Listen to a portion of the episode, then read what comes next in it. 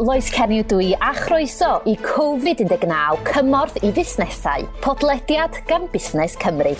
Hi, I'm Lois and welcome to COVID-19 Support for Businesses, a Business Wales podcast. Mae Llywodraeth Cymru wedi cyhoeddi mesurau i gefnogi busnesau yng Nghymru yn ystod y cyfnod anodd yma. Yn y benod yma, mi fyddwn yn clywed sut mae'r diwydiant gweithgynhyrchu yma yng Nghymru wedi ymateb yn bositif i'r sefyllfa. James Davis, cadeirydd Diwydiant Cymru, ydy fy ngwestai yr wythnos hon. The Welsh Government has announced measures to support businesses across Wales during this tough period. And in this episode, we hear how the manufacturing industry in Wales has responded positively to the situation. James Davies, Executive Chair at Industry Wales, is my guest this week. Busnes Cymru, yma i chi, i'ch busnes ac i'ch dyfodol. Business Wales, we are here for you, for your business and for your future. James, um, ymelaethwch am beth ydy diwydiant Cymru. Uh, James, can you tell us a little bit about Industry Wales? Well, Industry Wales is a, a relatively small organisation. It's formally an arm's length body of Welsh Government. They're predominantly to bring the voice of engineering, technology and manufacturing to Welsh Government. Its main aim is to impact policy to maximise the economic benefits for our, for our nation. We're only a small team of experienced industrialists trying to ensure that sort of strategy, skills and supply chain are developed further to sustain our industry within Wales. We are responsible for a couple of sector forums, such as the automotive, aerospace and electronic software um, sectors itself. Uh, pwy yn union ydy'r aelodau felly? Who are your members? Industry Wales is not a, a membership organisation as such. The three forums are, and they represent over 600 uh, key businesses in their important sectors in the economy. However, we seek to represent a wider spectrum of individuals, micro, small, medium sized to large companies that design, develop, and make things. In that, we're quite agnostic to sector. Uh, we are continually seeking out to reach out for basic needs such as energy or construction, food, drink, life sciences, to wider transport and mobility. And there are existing bodies and forums, membership bodies and forums in these areas, which we try to work through ultimately excellence in making things as common themes. And there are always things for us to learn and improve throughout the different sectors. Therefore, cross sectoral learning is quite vital for us within Wales. Chi cyn i chi ymuno hefo Diwydiant Cymru? So, before your time with Industry Wales, tell us about your background in manufacturing. I, I spent uh, time in South Wales, born in South Wales, and grew up uh, down on the Gower and went to Swansea University and did my engineering degree there. And actually joined the company that my grandfather had put 30 years into in Llanelli. I actually took over from my brother there in Felinfoel. At the time, it was Rover Group, although most of the local people, including my family, used to call it Morris Motors and I joined in '86 as a graduate engineer and uh, in the R&D team there. And actually, I never left there for 32 years. The company changed names such as Calsonic, Calsonic Kansei, and now Marelli. But as a as a as a people, as a workforce, we remained the same. I worked for 15 years in R&D, and then took on sales and marketing. And then finally, in 2006, I was last to look after the European operations. And then in 2011, I took on more global responsibilities that ultimately led me to living in Japan in their corporate headquarters.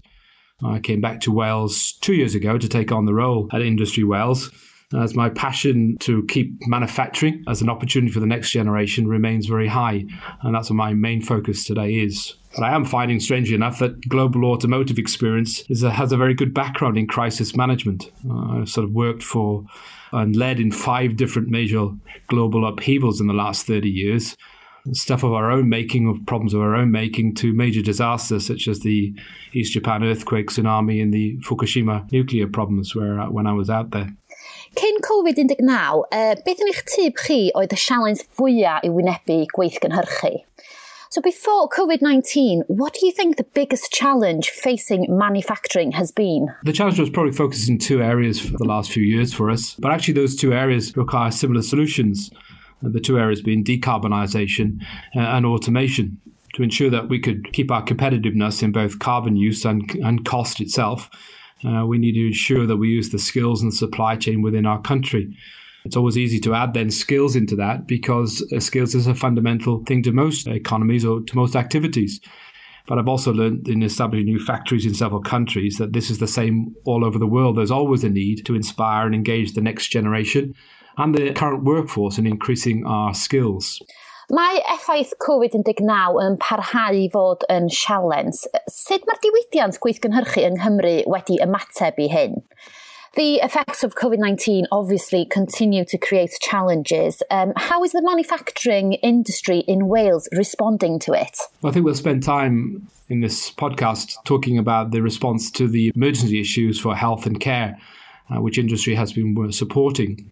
But I think I want to speak first of the real challenge of survival of our businesses. It's very important that we have business to restart with and, and how to focus on the fast recovery for what we're in the midst of, which is a very different type of crisis and recovery.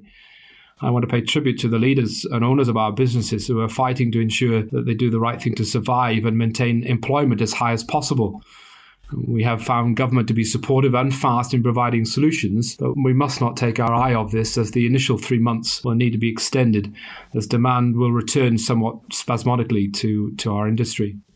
I'll pay tribute to these owners and leaders because they've not taken the easy path, but have reached out to the support being provided to ensure that we can make a fast restart. I think it's probably also appropriate to comment on industries who have, who have continued and actually increased their activity to support the CV19 crisis. These are energy or materials or oxygen, engineering services, as well as a significant number of companies involved in life sciences from PPE to medical devices. Many of them have increased their activities and now frequently working seven days a week. And beyond that group, there's another set of companies and industries who joined the UK consortiums to support the ventilator challenge and also more recently the CPAP challenge, vital equipment and devices for patients suffering from CV19. And again, they've been balancing the need to furlough their workers to reserve cash, but at the same time ensuring they can provide support to CV19. But returning to PPE, personal protection equipment, Industry Wales, working with the Life Sciences Hub, Welsh Government, and the NHS in Wales, collectively as a single team, have been there to ensure that if a current supply chain could not achieve the PPE, then alternative routes of supply could be identified, approved, and then ramped up as quickly as possible for the healthcare and other frontline workers. And to that degree, over a thousand companies have offered their support. And others have been approached to try sometimes what might be seen as radical ideas to find solutions uh, that could be approved in the short term for the vital supply. And now some of the PPE lines are in a relatively stable position. And that's due to the response of the industry for scrubs, sanitizers, soap, visors. But we remain vigilant as stable is not a final solution, and we are very aware of that at the moment. But in the midst of all this, we've seen some real positive things occurring. Collaboration has always been seen as an uh, as a key area for innovation and for economy growth, and I think we've seen a real cultural shift at this point. We've been able to place supply chain partners and even those sometimes in competition into projects of full and open cooperation.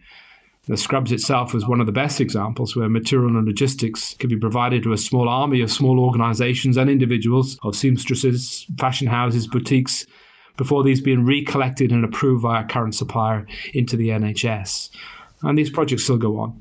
We recognise there are still PPE products where there is no manufacturers in the UK, and we're working to approve new materials to develop new production lines with automation to ensure that we can bring a level of resilience required for our country, but at the same time bring competitiveness for these PPE products as well.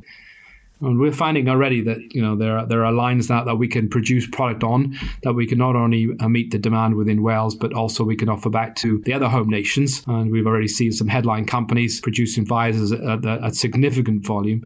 And we also hope that we'll have plastic aprons approved so we can meet the demand within Wales, but also play a wider role in the UK in the near future. And that's a, an economic advantage for us in the medium to long term as well. But how do more get involved? Well, I want to pay tribute to the activity within Life Sciences Hub and particularly within Business Wales at the moment. Quite often we find companies and individuals say, well, what can we do? Uh, there are always two routes to thinking about this. The first is quite easy to understand a call for a product goes out, and those who know their product, uh, whether it's PPE or, or medical devices, put their hands up and say, We can do that. But actually, what we're finding is equally as important are the skills and capabilities of supply chain and engineering services that can be offered in a collaborative approach to reshore some of these products back to the UK and to Wales. There are engineering technologies and techniques that exist in the industry, but perhaps not in the sector.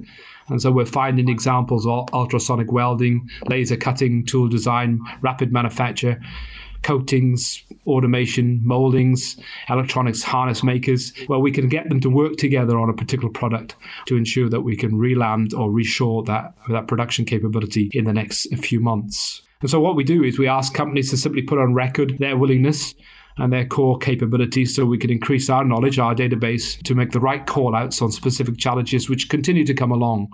There will always be areas that we'll be putting calls out for specific challenge. Uh, last week we had one on how to make mobile sinks, heated waters within sinks. It was a 48 hour challenge with the knowledge of the life sciences have, this was resolved in a very short period of time. But others can take four to six weeks before we can produce the right level of, uh, of production, uh, automation, and approval. It's amazing to see all these businesses coming together to provide for the NHS and for the community as well. Wrth edrych i'r dyfodol, um, beth yn eich barn chi fydd oblygiadau Covid-19 ar ddiwydiant a beth fydd y cyfleoedd? So looking to the future now, uh, what do you think the implications of COVID-19 will be for manufacturing and what will opportunities look like? We were already working on a, uh, due to launch at the beginning of April, something called a manufacturing manifesto with Welsh Government as a strong statement of intent for the next three and five and ten years for making things within Wales. Much of that was to focus around supply chain development in the basic necessities of life housing, energy, food and drink, health and care, mobility, and security. But I think the CV19 crisis has moved the timeline forward on such things not being strategies, but actually vital action plans in the medium to long term. The thinking previously was to work on demand that never changes or, or doesn't alter in a recession.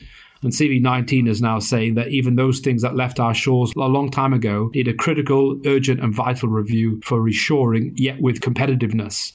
You know, we strongly believe in in ensuring that we have local sourcing to make sure that the community economy or the foundation economy uh, retains the wealth within its own area itself. But we, we can't do that at any price. We know that. So we need to ensure we've got a targeted plan for security or resilience but also with excellence, with uh, skills and automation and technologies that will create wealth and distribute that wealth uh, into all regions of our country.